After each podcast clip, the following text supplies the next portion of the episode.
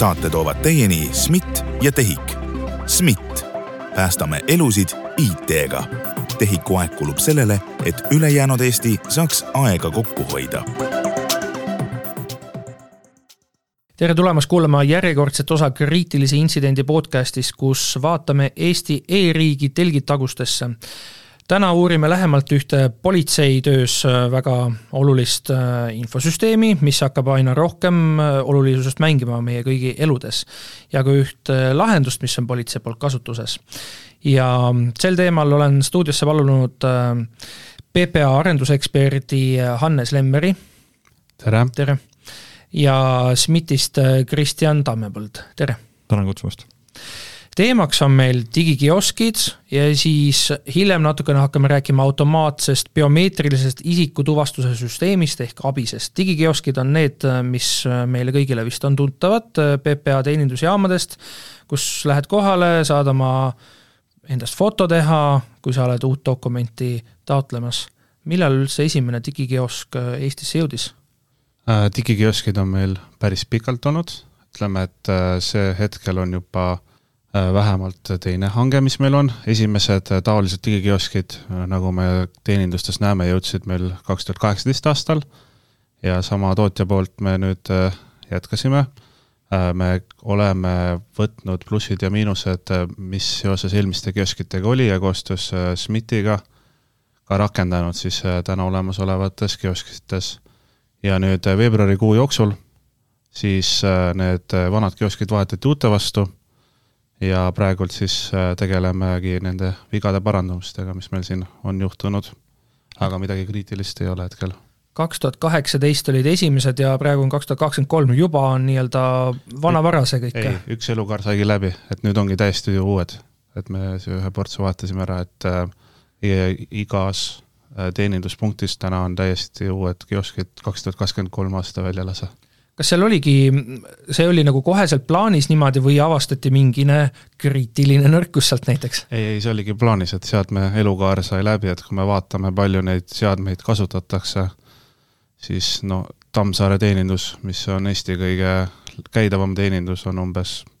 sada hõivet, sada kasutuskorda päeva jooksul ja kui me paneme selle viie aasta peale, siis tõsiselt äh, seade oli juba amortiseerunud ja me väga ootasime neid uusi milline see kogemus üldse nende digikioskitega on olnud, kas kõik inimesed on alati rahul olnud? Äh, kogemus oli enamasti positiivne, sest äh, kui me vaatame, kui tihti inimesed äh, üldse meie teenindusi külastavad, siis tavaliselt iga viie aasta tagant on see, kui meil ID-kaart saab läbi, kehtivus kaotab, ja sa pead esimest korda, kui sa näed seda, sa pead juba see kasutajaliides ja kogu see süsteem, mis seal ümber on, peab äh, nii lihtne olema, et sa saad selle põhimõtteliselt alla viie minuti, mis on meil see eesmärk, saad selle hõive ja oma biomeetria meile edastatud. ja hetkel see toimib. ja isegi vanemate inimeste puhul, et väga lihtsalt see asi käib, vähemalt meie aga nooremate? sest mul endal on isiklik näide, kus ma käisin lapsele Äh, passi taotlemas ja no okei okay,, ma saan aru jah, ta oli, ta oli too hetk nelja-aastane, et jah, lastega on see keerulisem, no aga ikka, ma pidin seda pilti mingi sada korda tegema ja siis see PPA, see inimene, kes seal töötab, tuli ka nagu, et noh, et ma nüüd natukene aitan ja ütlen ja mida ja kõike seda, et kas, kas selle uuega, mida nüüd hangitakse, läheb kuidagi see protsess ka muutub või selles mõttes see jääb ikkagi samasuguseks, nagu ta on olnud äh,? lastega pildi, äh, dok-, nõuetekohase dokumendi foto saamine ongi keerukas protsess ja uute puhul selles suhtes revolutsioonilisi muutusi ei ole, et meil kõikide kioskite puhul on toolid, äh, kus sa saad lapsi istuma panna, vajadusel äh, on meil ka olema, no kui me räägime väga väikestest lastest, siis saab ka vanema sülle võtta, kus on siis äh, toetavad siis vahendid, millega seda vanema särgi või midagi katta, et saaks selle nõuetekohase pildi teha et äh, kas jah. te teete nii-öelda nagu Hollywoodi, et teil on see green screen on seal, mille siis vanem saab endale peale tõmmata? põhimõtteliselt on põlletaoline as-, äh, siis asjandus või niisugune äh, noh, ongi niisugune põld plastmassist suur, kus sa paned ümber ja siis see kiosk saab aru sellest ja teeb selle pildi just selle põlve. aga see on nüüd nagu praegu ka olnud või see on, mis see, tuleb alles? see, ei, see ongi praegult olemas ja see tegelikult oli ka vanem, varasemalt lihtsalt nüüd me nagu Äh, see tool on fikseeritud asendis meil ja me no jälgima, või noh, selles suhtes, et ta nagu kiosk saab sellest aru väga huvitav, et siis mulle toona seda ei pakutud, seda võimalust. aga kuidas üldse mm, nii-öelda natukene tehnilisemaks minnes selle digikioskitega, kas see on nagu täiesti PPA pärusmaa või, või siin on äh, siis äh, SMIT-il ka midagi teha äh,? ei, see ei ole PPA pärusmaa, see on äh, suurem osa tegelikult, mis kõik, mis seal taga on, on SMIT äh,, nii tootetoes meil ja SMIT-i leping, SMIT on ise need, meil hankib, PPA on tellinud läbi SMIT-i need, et äh, seekord me tegime teistmoodi varasemalt on ainult PPA olnud ja SMIT on nõu andnud meile, aga seekord me siis tegime selle hankega natuke teistmoodi. kas siis see kõik, see taustsüsteem, mis seal on, on SMIT-i arendatud või sisse ostetud kuskilt? kogu see uute digikioskite projekti juhtimine ja, ja läbiviimine, et see on ikkagi SMIT-i vastutus olnud, aga kui me räägime selle kioski tarkvarast endast, siis see puhtalt on tegelikult ikkagi Tarni poolt kõik arendatud, et roll, mis meil on, on meil põhimõtteliselt haldus ja monitooring ja, ja ka siis äh, uute versioonide paigaldamine ja probleemide siis ennetamine ja vajadusel ka parandamine. et aga põhi äh, kioski enda tarkvaras ikkagi tuleb äh, tarnijalt. kas SMIT kontrollib ka selle tarnija tarkvara turvalisust äh,? Turvalisuse osas on ikkagi äh, need tur- äh,, ma mõtlen seda, et kui kee-, et keegi kolmas ei saaks äh, sinna süsteemi ligi kuidagi. jaa, turvalisuse puhul ma arvan, et millest me võime alustada, on see, et, et kõik kioskid on ainult Politsei- ja Piirivalve hoonetes, need ei ole välistes keskkondades, lisaks sellele kõik Politsei- ja Piirivalve seadmed on nagunii SMIT-i poolt juba hallatud. Ja kui me räägime nende kioskite turvalisuse vaatest, siis need on, kõik on suletud võrgus, nendel ei ole ligipääsu äh, välistesse võrkudesse ja, ja lisaks sellele kõik biomeetria, mida me võtame või edastame, et need on juba eos äh, krüpteeritud ja kui nüüd peaks toimuma mingid äh, süsteemilised tõrked või asjad, siis me tegelikult seda biomeetriat, mida me äh, inimestelt võtame, me ei salvesta neid kuskile maha, kui see sessioon peaks katkema väliste mõjude tõttu või inimese enda tõttu, siis me tegelikult kogu selle biomeetria kustutame. Et see on juba see, et kuidas me üritame siis seda turvalist nagu ennetada nii et dokumendi fotod neist digikioskitest ei saa kuidagi jalutama minna? korrektne. mul on väga hea meel kuulda, ma loodan, et ka et äh, nii-öelda, kui internetiühendus katkeb, et see süsteem ikkagi, nii nagu te just kirjeldasite, töötab ka nii ja jaa, äh, meil on äh, niimoodi tegelikult, et ähm, kui inimene näiteks ei pane tähele ja ta hakkab kuskile mujale vaatama, siis süsteemil on olemas peal ähm, tuvastamise kuidas siis öelda, tuvastamise kaitse, ehk et kui teatud aja jooksul kiosk ei ole tuvastanud inimese silmi, siis ta hakkab ise sessiooni sulgema, et see vahemik on seal kuskil viisteist sekundit ja selle eesmärk ongi see, et seal on põhimõtteliselt kaks eesmärki, et kui inimene mingil äh, põhjusel lahkub kioskist, et ei tuleks teine inimene ja tema andmetega ei jätkaks seda hõivet või pahatahtlikult ei teeks nende andmetega midagi, vaid siis selle perioodi jooksul see sessioon katkeb ja siis uus inimene saab alustada algusest või siis seesama näide, et kui võrguühendus kaob ära näiteks, on ju, siis äh, süsteem üritab äh, kolm korda veel äh, neid andmeid edastada, kui ei õnnestu, antakse kasutajatele teada, et äh, palun pöördu teenindaja poole, et äh, teie andmete edastamine ebaõnnestus ja andmed kustutatakse. ja samamoodi on ka tegelikult see, et, et seesama kolmas süsteem, kes neid andmeid hakkab hoiustama, on ju, siis kui see süsteem on näiteks maas siis Kiosk on täna juba niivõrd tark, et ta saab aru, et andmete edastamine õnne, ebaõnnestus ja antakse kasutajale teada nüüd see, et äh, teie äh, sessioon või noh, teie siis andmete edastamine ebaõnnestus, on ju. aga nüüd on siin hästi oluline roll tegelikult sellel kodanikul endal, et panna tähele sellest, et mis talle öeldakse, on ju. et meil on ka olnud kogemusi, kus tegelikult äh, me hiljem logidest näeme, on ju, et probleem ebaõnnestus, aga kodanik ise seda ei ole tähele pannud, on ju, ja noh, siis paratamatu on see et ta peab uuesti tagasi tulema ja tegema uuesti selle hõive, on ju, mis on aga mis hetkel seda tavaliselt nii-öelda tuvastatakse ja mis hetkel selle inimesega võetakse ühendust, et kuulge, et te vist käisite, või mitte vist, vaid me teame, et te käisite, aga teil see protsess ei saanud lõpule viidud? Äh, see tuleb välja siis, kui inimene hakkab meil iseteeninduskeskkonnas avaldust esitama ja seal ei tule andmeid kohale, siis nad tavaliselt pöörduvad meil infotoe poole ja me anname teada, et niisugune äh, asi on juhtunud, et siis me vaatame, mis kui palju selliseid juhtumeid on olnud? mingi suurusjärk, et kas see on selline väiksem probleem või, või pigem tavaline, suurem? võib-olla kolme kuu jooksul korra, see on nagu väga harv probleem meil. et inimesed üldse noh, üldises mõttes nad ikkagi vaatavad, mis sealt siis tuleb. jaa, no töökindluse mõistes selles suhtes meie jaoks on see probleem juba, kui äh, andmed ei liigu edasi, et siis juba on meie jaoks intsident, et siis meil hakkab töö seisma, seisma jääma ja siis on probleem, et äh, seda juba ei tohi juhtuda. Te mainisite, et see süsteem üritab veel kolm korda neid andmeid siis edastada, kas see kolm korda toimub äh, kolme sekundi jooksul või see toimub kolme minuti jooksul? Et täna me oleme niimoodi teinud, et äh, iga viie sekundi jooksul ehk siis kolm korda viis, et äh, üritatakse seda edastada, on ju. ja tegelikult on ka see, et, et süsteem on tegelikult niivõrd tark, et ta ise üritab siis äh, ikkagi aru saada sellest, et kas võrguühendus on tagasi tulnud, et kui võrgu, võrguühendus on ikkagi maas, siis süsteem ei lase uuel kliendil alustadagi hõivet, on ju, ta ütlebki, et tehniline tõrge ja nüüd siis kas siis meie või siis ametnikud annavad meile sellest teada, et me vaataks, mis seal taga siis päriselt toimub, on ju, et, et, et et ei tekiks seda olukorda, et äh, uus klient tuleb hurraaga peale, on ju, ja hakkab hõivama ja siis hops, ei saagi tegelikult äh, andmeid edastada. kuulge, aga eestlastele meeldib ennast ikka teistega ka võrrelda. kuna see riistvara, mida te kasutate, on sisse ostetud ühe ettevõtte poolt, siis äh, ta, see annab selle võimaluse, et ka teised riigid kasutavad analoogset lahendust. Kui paljud teised riigid kasutavad selliseid digikioskeid? Äh, riistvara lihtsalt ikka kasutatakse, Leedus peaks olema täpselt sama tarnija poolt äh, äh, need kioskid, aga see, mis kasutajaliides ja mis seal sees on, on ainult Eesti jaoks üles ehitatud lähtuvalt siis, kuidas PPA on tellinud. aga lihtsustatult öelduna, Leedus on midagi analoogset, et inimene saab minna sealsesse politsei juurde, kui ta, kui ta enda dokumenti taotleb siis? seal on jah, siis kodakondsus ja migratsiooni Äh, taoline üksus. Ja neil on, äh, väljast näeb see täpselt samamoodi, täpselt samasugune kiosk, küll on aga neil no selles suhtes, ta ei ole niimoodi üles ehitatud, et inimene ise läheb, vaid ikkagi seal on nagu äh, leti või noh, teenindaja on ikkagi iga kioski peal olemas, et meil on natuke ikkagi niisugust vabadust ise seal proovida alguses. Eestis on vist see luksus, et see teenindaja on juures ainult väiksemates kohtades, nagu näiteks Kuressaares. Tegelikult on ka meil ju äh, igas suures teeninduses on äh, Ukraina sõjapõgenikud, kes meid abistavad ja töötavad, et mõnikord võibki juhtuda, et äh,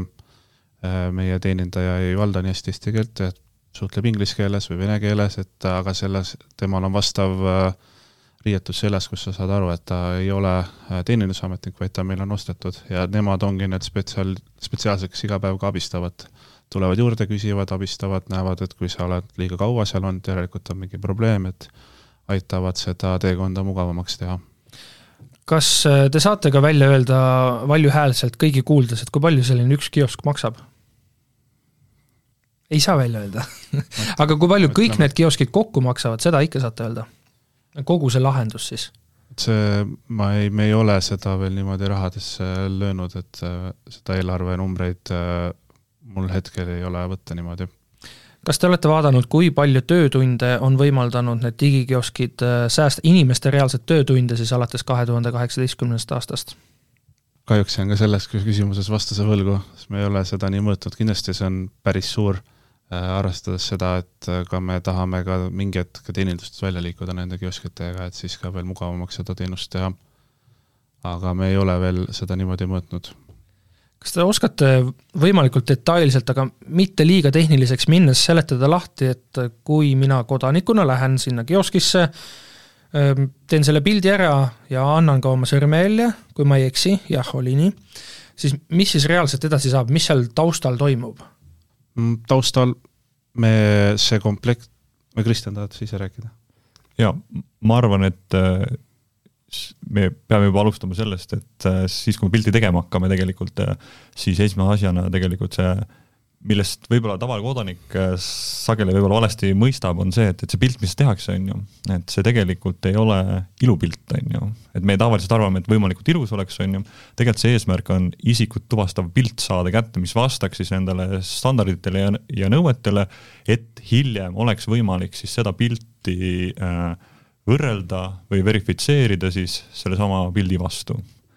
ja, ja noh, esimene asi ongi siis see, et saada isikult kätte, et see algoritm teeks siis selle analüüsi ära ja me saaksime selle nõuetele vastava pildi. ja siis nüüd tegelikult järgmine etapp on sarnase loogika alusel on tegelikult need sõrmejäljed, kus siis süsteem tegelikult äh, nüüd sõltuvalt on ju stsenaariumist, et kui me räägime Eesti kodaniku omast, et siis seal me teeme neli sõrme ja neli sõrme ja siis võetakse sealt välja kaks parimat tulemust ja nüüd, kui me räägime viisast, siis tegelikult on vaja hõivata kümme sõrme, on ju, ja, ja siis süsteem tegelikult taustal siis äh, teeb seda kvaliteedihinnangut ja vastavalt siis sellele, kui need ka vastavad nõuetele, siis juba liigutatakse need edasi järgmisesse süsteemi see kvaliteedinõue tähendab seda, et süsteem saab aru, et kui mul on mingine müts on peas, rätt on peas, katan oma nägu, äh, klassikaline jälle Hollywoodi filmis see nii-öelda naljavuntsi panen ette, et siis ta saab aru kõigest sellest? Äh, mitte kõigist, selles mõttes, et et just see, see konkreetne mütsi näide, mis teil on, et tänane uus kiosk, enne kui mis me siis oleme teinud tegelikult, enne kui sa hakkad pilti tegema, siis sinna tuleb see peeglivaade, kus siis inimesed saavad veel endal, ennast otsa vaadata, ennast sättida, eemaldada ja siis seal öeldaksegi tegelikult, et palun eemaldage prillid või müts, on ju. ja tegelikult, kui pilti tehakse, siis ähm, prillid võivad ees olla, aga seal on alati see oht, et kui äh, prilliraam on liiga tugev või prillilt tekib peegeldus, siis ta ei pruugi vasta, nõuetele vastata. et meie soovitus on alati see, et kui on võimalik, võtke prillid ära ja tehakse teist pilt ja mütsiga on siis, mütsi osas oskad sina täpsemalt rääkida, et see sõltub jälle rahvusest, et. ei, mütsi ei tohi olla äh, dokumendifotol, teatud juhtudel saab era-, erisusi teha äh, usulistel põhjustel mm, -hmm. aga siis tuleb läbi siseministeeriumi vastav taotlus teha ja nemad annavad nõusoleku nii palju, kui ma varasemast äh, mäletan, siis selliste erisuste puhul ongi see, et siis kahjuks seda digikioskit ei saagi kasutada. et siis, äh, siis kogu see protsess on täitsa teistsugusem. ei, ei, nüüd, äh, nüüd saab kindlasti, et kui on ikkagi, digikiosk ütleb, et see foto ei sobi, siis äh, alati teenindaja saab öelda, et äh, vaatab ta peale, tema ütleb, et jah, ikkagi see foto sobib ja see foto läheb edasi, et see ongi see teatud need erisused, mida me oleme uute kioskitega rakendanud. Ja tulles tagasi teie selle esimese, esimese näite juurde, kus te rääkisite enda laps, lapsest, on ju, ja lapse puhul ongi keeruline pilti teha, sest et mida see kiosk üritab teha, on see, et, et ta otsib isiku silmasid ja kui siis isik on paigal, siis tehakse sellest pilt, aga lapse puhul ongi see keeruline, et lapse enda silmad kõigepealt pilguvad, on ju, siis ta pea liigub igale poole ja sellest tulenevalt ongi süsteemil seda keeruline pilti teha aga nüüd see funktsioon siis tegelikult võimaldab seda, et me teamegi, et lastega on keeruline pilti teha, on ju, et üritatakse need kolm pilti ikkagi ära teha, on ju, ja nüüd nagu Hannes kirjeldas, siis ametnikul on võimalik siis sellest kolmest valida see parem pilt, on ju. aga kindlasti on ka see, et, et äh, me ei saa ikkagi nagu, kui ükski pilt ei sobi, siis me peame neid nii kaua tegema, kuni see nõuetele vastav pilt tekib, sest et äh, et see on hiljem see, mille alusel me saame siis kas siis tuvastada või siis verifitseerida seda isikut kas see süsteem võrdleb ka seda fotot, mis parasjagu on seal tehtud, selle dokumendi fotoga, mis on eelnevast korrast siis seal süsteemis olemas? Äh, kioskite eesmärk on ainult isikutelt äh, biomeetria koguda ja edastada see siis äh, järgmistesse süsteemidesse ja järgmised süsteemid tegelikult hakkavad siis vastavalt siis selle ärinõudele hakkavad siis vajadusel kas siis võrdlema neid või jah, et kiosk ei, ei küsi kuskilt andmeid kiosk ainult edastab andmeid, et tal see äh, sisse talle niimoodi andmeid ei tule. aga kuskil siis mingine süsteem ikkagi on, vaatab, et äh, et kui ma viie aastaga, no ikka märgatavalt on see välimus on muutunud, et siis nagu mingi punane lipukene, et siin keegi inimene peaks ikkagi lähemalt vaatama, mis toimub. jaa, need no,, kus me seda vaatame, ongi siis äh, dokumenti taotluse sisestades, meie ametnikud vaatavadki üle ja seal me, ametnik näeb äh, ajalugu, mis on selle isiku äh, isik on esitanud ja ta seal saabki valideerida, et kas äh, need pildid äh, on korrektsed ja kas äh, on siis kõik korrektne. kas seal ajaloos on kõik, näiteks minu puhul siis kõik need dokumendifotod üldse, mis on mul läbi aegade seoses passi või ID-kaardiga olnud? Hetkel on, kui me hakkame abisest rääkima, siis nad teatud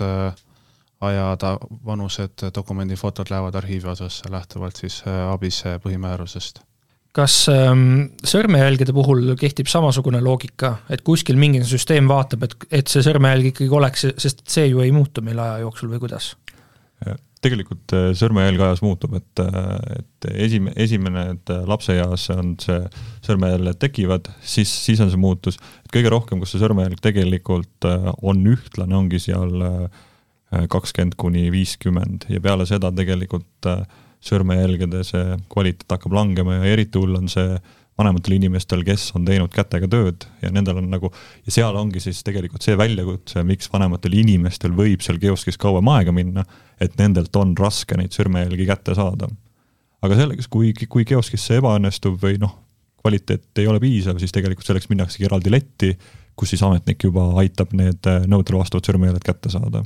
jah, aga see eraldi leti teema võibki tulla niimoodi, et mina teen kioskis oma toimingud ära, kõik justkui nagu on okei okay,, ma lähen juba koju, teen oma toiminguid ja siis päev-kaks hiljem öeldakse mulle, et kuule, et äh, ikka ei sobinud või? Äh, uute, uute kioskite puhul ütleb kohe kiosk sulle, et äh, ma ei saanud nõuetele vastavat sõrmejälje kujutist ja palun pöördu ametniku poole. Jah, et te tegelikult ennem kioskist ära ei lastagi, kui ametnik tuleb äh, ja vaatab üle, et mis seal juhtub, et tal on alati võimalik äh, uuesti seda sõrmejäljet teha, kui seal midagi kahtlast on toimunud, on ju. ja kui tal juba kahtlus tekib, siis on, ta saab võtta teid ja minna lauda ja kontrollida täpsemalt, et mis need kvaliteedid olnud on ja kui ei sobi, siis vajadusel siis äh, korrigeerida, et ei oleks niisugust see on tegelikult mõlemaga, see on nii näoga kui ka sõrmedega, et, et ei peaks uuesti tulema hakkame vaikselt sinna biomeetria poole liikuma, aga digikioskite osas veel see, biomeetria osas jah, see sõrmejälg, aga kuidas on lood selle silmaiirisega, sellega digikiosk ei saa hakkama, ega? Äh, silmaiirist äh, üldse hetkel ei, ei ole nagu pildis, äh, kui me vaatame Euroopa Liidu tasemel üldse seda biomeetriat, siis hetkel me räägimegi ainult näos, näobiomeetriast ja sõrmejälje, sõrmejäljekujutistest ja seda veel hetkel ei ole, et silmaiirist hetkel nagu ei näe, et lähi viie-kuue aasta jooksul üldse siin meil hakkaks pilti tulema, et enne peaks Euroopa Liidu tasemel äh, kuidagi ära äh,, ära räägitud olema, et kuidas me selle silmaiirise hõivet teeme ja siis hakkame sellega edasi liikuma, et äh, jah, ja et sinna läheb siis veel mõni aasta aega? sinna läheb aega jah, et praegult ma tean, et ta seal Aasia riikides on populaarne ja aga meie vaates ikkagi see sinna läheb aega. ma arvan, et oluline on ka tuua välja see ka, et, et see aeg, siin kümmekond aastat tagasi tehnoloogia ei olnud üldse nii palju arenenud, et et silmaiirist oleks hea võtta, et miks me tegelikult ju näofotot ja sõrmi võtamegi, ongi see, et, et neid on mugav anda ja nad on ka noh, sõrme, sõrmejälgede puhul me saame võtta sürm, kümme sõrme, on ju, ja silmade puhul võib tekkida ka see, et on ju, et sul ühte silma pole, on ju, aga meil on noh, võimalik võtta kümnel erineval sõrmel, on ju. aga ma arvan, et üks väga oluline asi on ka see, et, et neid on mugav anda, on ju, et, et küsimus ei ole ainult selles, et me anname neid, on ju, digikioskis või seal teenindustes, on ju, et me kasutamegi ju neid ju piiriületustel, on ju, ja see on ka see, et, et me peame vaatama täisteenust, on ju, mitte ainult seda, et kuidas me ühes kohas saame seda anda. ja kuhu me liigume lähiaastate jooksul, on äh, mobiilne kaugtuvastus, mobiilne hõive äh,, ka sõrmejälgede osas, et äh, sinna ka liigub äh, muu maailm, et äh, meil praegult ongi niisugune pilootprojekt käimas, kaugtuvastusprojekt e-residentidele, äh, kus me hangime siis äh, piloodi raames koostööpartnerid, kellega siis leida parimaid lahendusi, kuidas läbi mobiili kaugtu-, kaugteel tuvastada isikut, et seal on hästi, hästi palju erinevaid nüansse, et kuidas tagada, et see isik on reaalselt see, kuidas tagada, et ta sõrmejäljed on temale kuuluvad ja äh, hästi palju küsimusi, et see ei ole nii lihtne, et panen videokaamera tööle ja siis äh, ma näen seda isikut, et äh, kas see tähendab ikkagi kuskil ähm, siis saatkonda neil e-residentidel kohale minekut või see on juba nende enda seadmes kõik toimuks? see tähendab seda, et e-resident on üks, ühe korra meie juures käinud, korduv taotlemisel ja oma mobiilis, see on nagu meie visioon, et ta ei pea kuskile minema, oma kodus teeb selle toimingu ära, me tuvastame ta ära ja siis äh, saadame talle Äh, vastavasse kohta selle kaardi. see oleks peamiselt näotuvastusega siis? Sõr-, äh, me ikkagi tahame suurelt mõelda, et sõrmejälg ka oleks seal juures, kuigi meil täna ei ole kas seal ei tule suureks takistuseks see, et äh, maailmas on väga levinud Apple'i seadmed, kus ei ole ju enam sõrmejäljelugejat? sõrmejäljehõive meie vaates, üldse niisuguste, niisuguste projektide vaates on ikkagi kaameraga, et mitte, meil mitte seadet, vaid kaugelt ikkagi ja tagakaameraga see on natukene teine maailm. see on niimoodi, inimene peab nii nagu lapsepõlves ma mäletan selle harilikuga tegid noh, niimoodi sõrme tegid kokku ja siis panid paberi peale, et niimoodi hakata e-residentide sõrmejälgi kontrollima. ikkagi niimoodi, et tagumine kaamera käivitub, sa paned oma käe otsa ja siis kaamera teeb sellest nagu põhimõtteliselt äh, kujutise ja seda me võrdleme, et see, see on see visioon. ja see projekt on selline algusfaasis, aga sinna te tahate äh, nii-öelda ta ikkagi liigub selles suhtes, et hetkel me kirjutamegi tehnilist kirjeldust kokku juba, et meil on turuanalüüs tehtud selles vallas, me teame umbes, kus see maailmaseis tänasel, täna on. Ja see, see ikkagi nagu liigub, et ähm, kus, mida me pingsalt ootame, on see, et äh, standard töödeldakse välja, et ma tean, NIST on, lubas juba eelmine aasta oktoober, et tuleb standard, nüüd on see nagu edasi lükkunud, et me seda nagu väga pingsalt ootame, et just selle hõive raames tuleks ka mingisugune rahvusvaheline standard välja. oleme biomeetriast juba tükk aega rääkinud, aga selline lühend nagu ABIS, mida siin saate alguses sai ka mainitud, automaatne biomeetrilise isikutuvastuse süsteem. kui kaugel selle arendusega ollakse? selle arendusega me oleme täpselt nii kaugel, et äh, hetkel käivadki äh, arenduste testimised, äh, nii SMIT-i poolelt kui ka kohe hakkavad PPA poolelt käima, et SMIT veel teeb viimaseid arendusi, testib, paar viga on välja tulnud, aga ei ole midagi kriitilist ja varsti hakkab PEPA testima ja siin äh, mai alguses me loodame, et äh, lähme siis live-keskkonda, et me kaua sellega ei taha oodata, et ja siis hakata nagu laivis tulevaid vigu parandama ükshaaval. ja siis, kui ta jõuab reaalsesse kasutusse, kas siis on ta ka seal nende digikioskitega seotud, et kui mina annan oma sõrmejälje digikioskis ja mu sõrmejälg sobib, siis ta jõuab ka koheselt sinna abisesse? jah, abise puhul tuleb rääkida seda, et abis ei ole abis on ka andmekogu, ehk siis abis hoiab kõike biomeetriat kaasa, sealhulgas äh, nägu- ja sõrmejäljekujutisi. ehk siis kui digikioskis annad biomeetria, siis äh, ja esitad taotluse, siis äh, need andmed rändavadki abisesse. ja need ongi abises ja hiljem abisest küsitakse neid. aga miks mina kodanikuna üldse, miks peaks mind see abis huvitama, mida mina sellest võidan? Äh, tänu sellele me tulevikus saamegi hakata kodanikule mõeldud äh, teenused mugavamaks teha,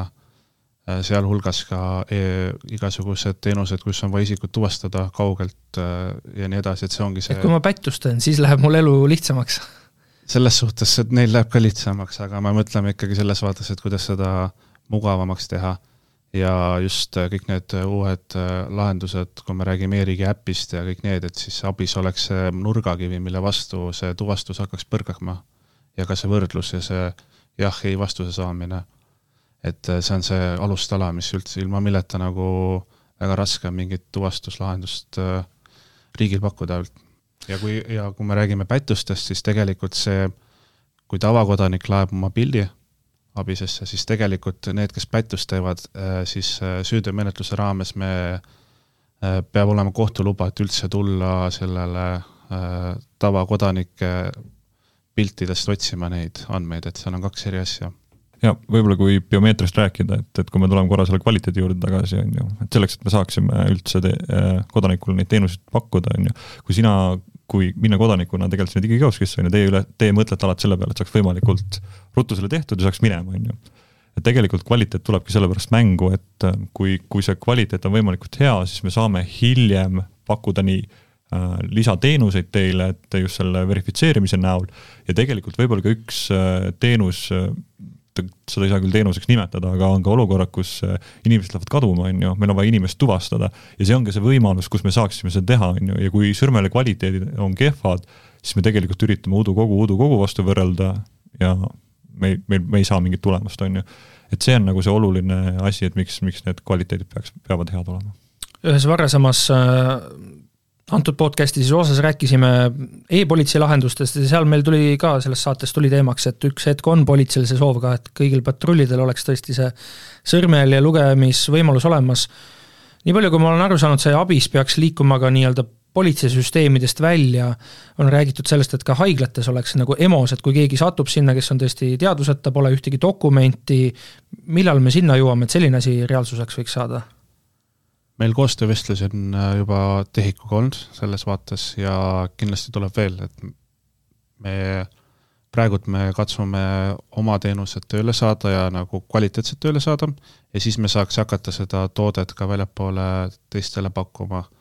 äh, teistele, teiste ministeeriumi haldusaladesse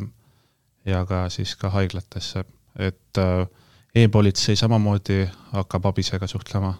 ja sa isegi, kui äh, EMO-s töötajad, töötajatel see võimalus ei ole, siis tegelikult täna ju kutsutaksegi patrulli appi ja patrullil on see võimekus eh, äh, varsti olemas ja siis saab selle probleemi ajutiselt maandatud, aga see ei ole lahendus, ikkagi tulevikus võiks haiglale ka see võimekus tulla. Kas patrullidel see võimekus on ka lahendatud nii nagu e-residentide puhul, et see kaamera, telefonikaamera või see, neil on midagi muud? ei, selles suhtes ikkagi patrullid saavad seadmed millega hõivata seda, et see kaamera on niisugune innovatsiooniprojekt, mis me e-residentide puhul pilotiseerime ja kui see õnnestub, siis kindlasti tahaks ka sellega edasi liikuda ka kõikide Eesti kodanikele.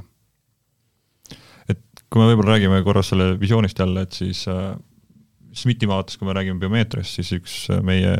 üks oluline soov selle tootestamise osas on ka just see, et, äh, et see biomeetria teadus liiguks äh, ühte kohta, et iga riigiasutus ei hakkaks ise oma biomeetria lahendusi ja soove tegema, vaid pigem on see, et me koondame selle teadmuse ühte kohta, samad äh, arendusprojektid, mis me oleme teinud PPA-ga, et see kogemus, need tooted, mis me loome, et me saaksime luua tsentraalsed tooted, mida saavad kasutada ka teised asutused, on ju, ja täna ongi meil juba olemas näited, kus äh, sõrmejäljelahendused, need, mis letis kasutatakse, on ju, sama kasutavad ka tegelikult äh, välisministeeriumid oma, oma süsteemidesse, nad ei pea nullist hakkama jälle midagi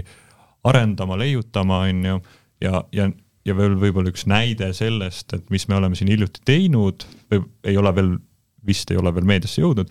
aga on siis see, et äh, Entry-Exiti projekti raames tegelikult meil on olemas juba niisugune lahendus, kus äh, saatses äh,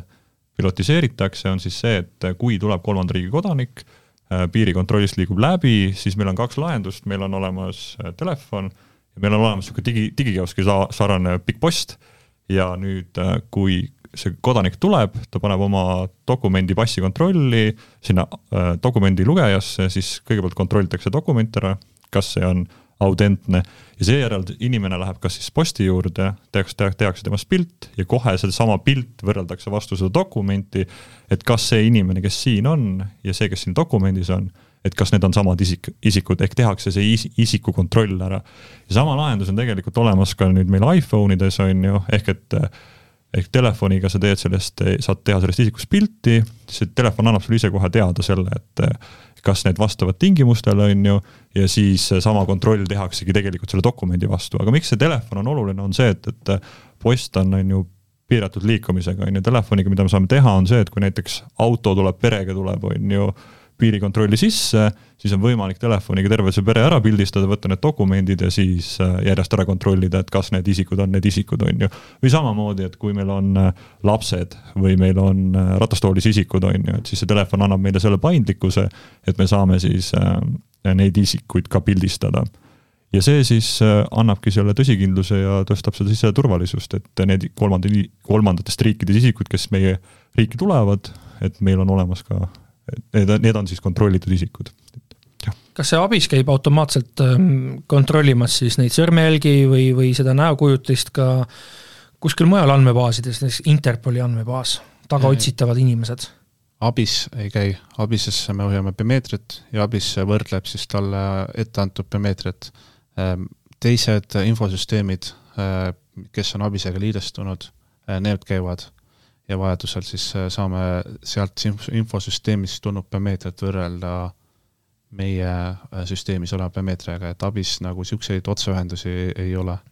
kas need digikioskid omavad ka nagu kuskilt äh, sellist ähm, liidestust sinna ma ütlen lihtsustatult, ma, ma ei tea politseitööst nii palju detailselt midagi, aga olen kuulnud, et Interpolil on mingi andmebaas, rahvusvahelised tagaotsitavad kurjategijad et kui ma digikioskis olen nagu juhtumisi see eestlasest pätt või, või mitte eestlasest pätt ja annan oma sõrmejälje, kui ruttu nagu selline info jõuab näiteks sinnasamma teenindusse, et kuulge, et pidage nüüd see inimene kinni? digikioskist äh, sellist infot me ei edasta. Äh, küll see tuleb dokumenditaotluse etapis kät-, äh, välja koheselt, kui me hakkame dokumenditaotlust sisestama ja siis meil on teadmine, et see isik arvatavasti tahab meie käest dokumenti saada ja me saame selleks valmistuda ja kui see isik ükskord järgi tuleb,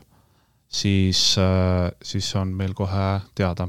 täna tegelikult niisugust jah, et äh, punase tule süsteemi ei ole, et tegelikult kõik, mis me digioskis teeme, neid andmeid äh, saab alles vaadata siis, kui ametnik ise hakkab seda taotlust looma, et kuskil eraldi mingit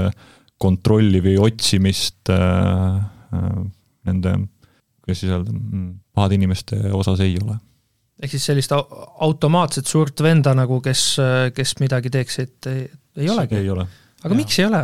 mina kodu, kodanikuna küll tahaks. Äh, kas, kas meil on tõesti sellised seadused ja, ja regulatsioon, mis äh, keelab sellist asja? üle biomeetriliste süsteemide suured otsingud, see nõuab teatud, teatud etappe, mis me peame eelnevalt olema läbinud. et me enne peame üldse alfanumeerilistel alustel inimest otsida, otsima, kui me ei leia, siis on, siis alles hakkavad need üle abise uksed avanema, et siis me saame alles hakata üle nagu meie mõistes siis äh, üks enne otsingut tegema, ehk siis äh, annan pildi ja äh, abis annab vaste. Ja seda hästi väikestes etappides tehakse ja nagu väga kontrollitud on, et niisama kaamera tööle panna, kõik inimesed üles jäädvustada ja otsida, kes ta on. esiteks tänane õigusruum väga ei, väga ei tolereeri seda isegi kui me selle ära põhjendame, siis tulevikus meil arvatavasti Euroopa Liidu ai Act hakkab seda ka piirama väga-väga korralikult, et mis lähiajal on praegu arutelul ja vaatame, mis sellest välja tuleb, et seal on, tegelikult pannakse ka väga suured piirid ette. Et peame muud moodi need eh, isikud tuvastama. mõni aasta tagasi oli meil tõesti selline kahetsusväärne juhtum, kus dokumendifotod läksid liikvele väga paljude eestlaste omad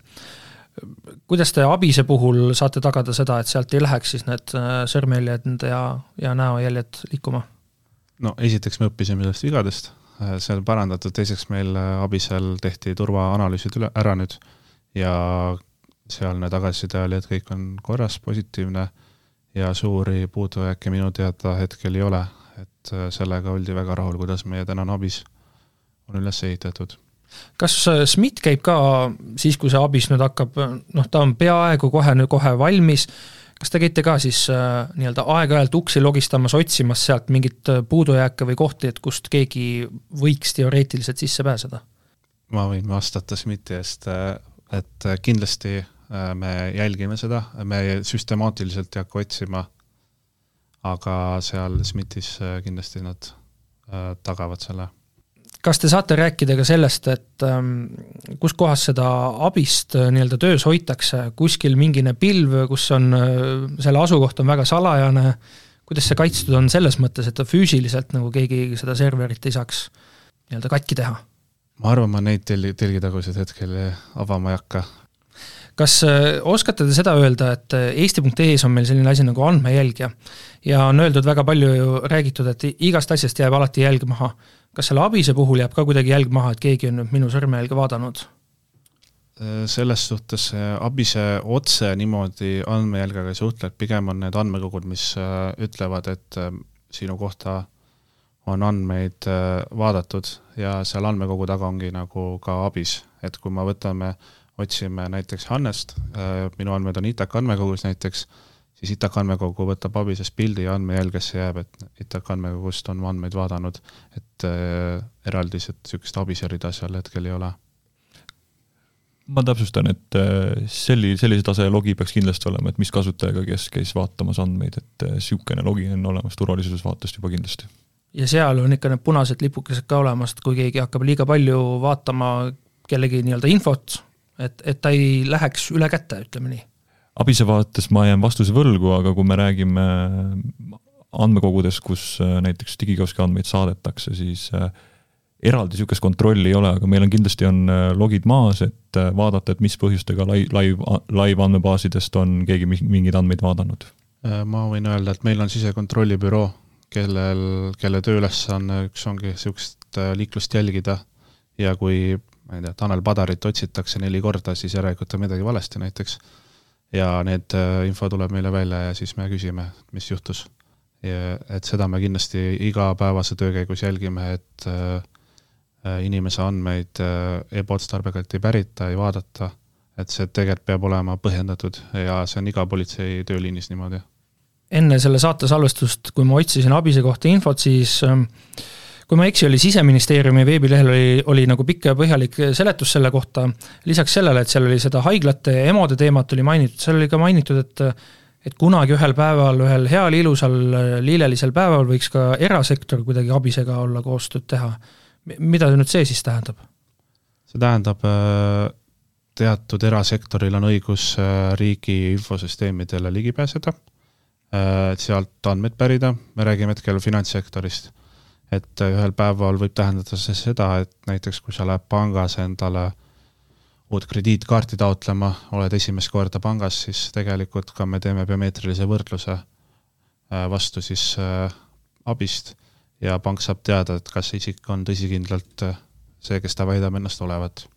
aga see kõik ongi see nõusolekul ka, et pank ise niimoodi äh, niisama kellegi andmeid pärima ei hakka. Tänane koostöö vist peaks olema selles, et just tõkestada seda rahapesu ja, ja terrorismi, et nendes, nendes õigustes neil on vist täna juba see koostöö riigiasutustega olemas. jah, et äh, tulevikus ka siis äh, arvatavasti hakkame ka niisuguseid biomeetrilisi võrdlusteenuseid neile pakkuma. ja see tulevik on aasta, kaks või viis või kümme aastat? ma arvan, et tehnoloogiliselt meil äh, oleksime täna juba võimelised, aga nagu kõikide nende and-, kuna biomeetria andmed on väga äh, tundlikud isikuandmed, siis eelkõige me räägime seadusest ja õiguslikest äh, lubadest. jah, ütleme nii, et kui meil TEHIK-uga on arutelud alustatud, siis erasektoriga me veel arutelusid veel ei ole alustanud, aga kindlasti oleme avatud ehk siis see on kohati selline asi, mida me ootame nüüd seadusandjalt, et, et peaks natukene seadusi muutma? ma arvan, seadused on, liiguvad õiges suunas, lihtsalt ongi see, et me hetkel ABISE projekt läheb alles esimeses haldusmoodulina, esimeses etapis nagu laivi, et õpime oma vigadest, saame selle süsteemi korrektselt tööle ja siis hakkame laienema, et ei tahaks pakkuda väljapoole ja teistele partneritele natukene toodet, mis ei ole meie poolt äh, lõpuni ja ei ole laivis meil kindlalt. ma arvan, et siin on hästi oluline ka see, et, et vaat, kui me räägime sellest abisest, et äh, kodanik tahab väga täpselt teada, mis tema andmetega tehakse, on ju, ja me peame väga selgelt ka ütlema välja selle, et mida me ei tee, on ju, ja sellepärast ongi see õiguslik alus väga oluline, et et me võime siin rääkida küll sellest, et startup, startup likult on ju, et me võiksin teha ühtesid ja teist, teisi tooteid, on ju, aga oluline ikkagi see, et me eelkõige seadus, milleks me neid andmeid kasutada võime, on ju, ja kui seadus tuleb järgi, siis me võime ka pakkuda neid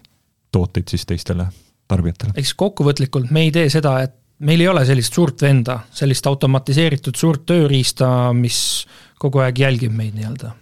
ei, meil ei ole kindlasti sellist suurt venda, kes jälgib, kus ma olen, mis ma teen ja kui kaua ma teen ja kus ma edasi lähen, et seda ei ole ja ei tule ka ja võib-olla ennem me rääkisime ka sellest, et, et, et nende biomeetria kogumistel on ju, on, on võimalik äh, võrrelda siis, äh, kui keegi on kriminaalselt midagi teinud, et on seda isikut võimalik tuvastada, on ju, ja samamoodi, et kui inimene kadunud on, et siis on võimalik isikut tuvastada. ja dokumentide loomisel meil on see isiku võrdluse tuvastus, on ju, ja väga selgelt on ka ju tegelikult ju äh, õiguslikult äh,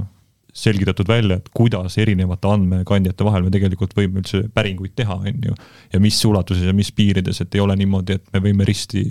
seda isikut otsida teistest andmebaasidest, et eh, juba sel tasemel on reeglid väga selged. jah, et õiguslikult ongi väga suur lõhe tõmmatud eh, süüteomenetluse ja ka siis dokumendi või haldusmenetluse vahele, et need andmed ei liigu seal risti head kriitilise intsidendi kuulajad, ma loodan, et see saade oli teie jaoks sama kasulik kui mulle, mina sain selle nii-öelda kindlustunde, et senimaani, kuni ma pettust ei tee, ma ei pea kartma seda väidetavat suurt venda, mida kuskil ulmefilmides on ja ulmekirjanduses, aga tegelikult reaalsuses vähemalt nii palju, kui meile PPA-st siis Hannes Lember ja SMITist Kristjan Tammepõld ütlesid, Eestis ei ole ja loodetavasti ei tule ka siis ei, ei tule kindlasti. ei tule kindlasti, väga hea. saime väga detailse põhjaliku ülevaate digikioskitest, mis on PPA teenindusjaamadest ja ka uuest infosüsteemist, mis jah, nagu öeldud, teeb meie elusid kiiremaks, paremaks, mugavamaks, aga ka seda, et kui meiega on midagi halvasti juhtunud, siis meile saadakse väga kiirelt õiget abi just pakkuda. suured tänud kuulamast, mina olen saatejuht Ronald Liive ja kohtun teiega juba uuel nädalal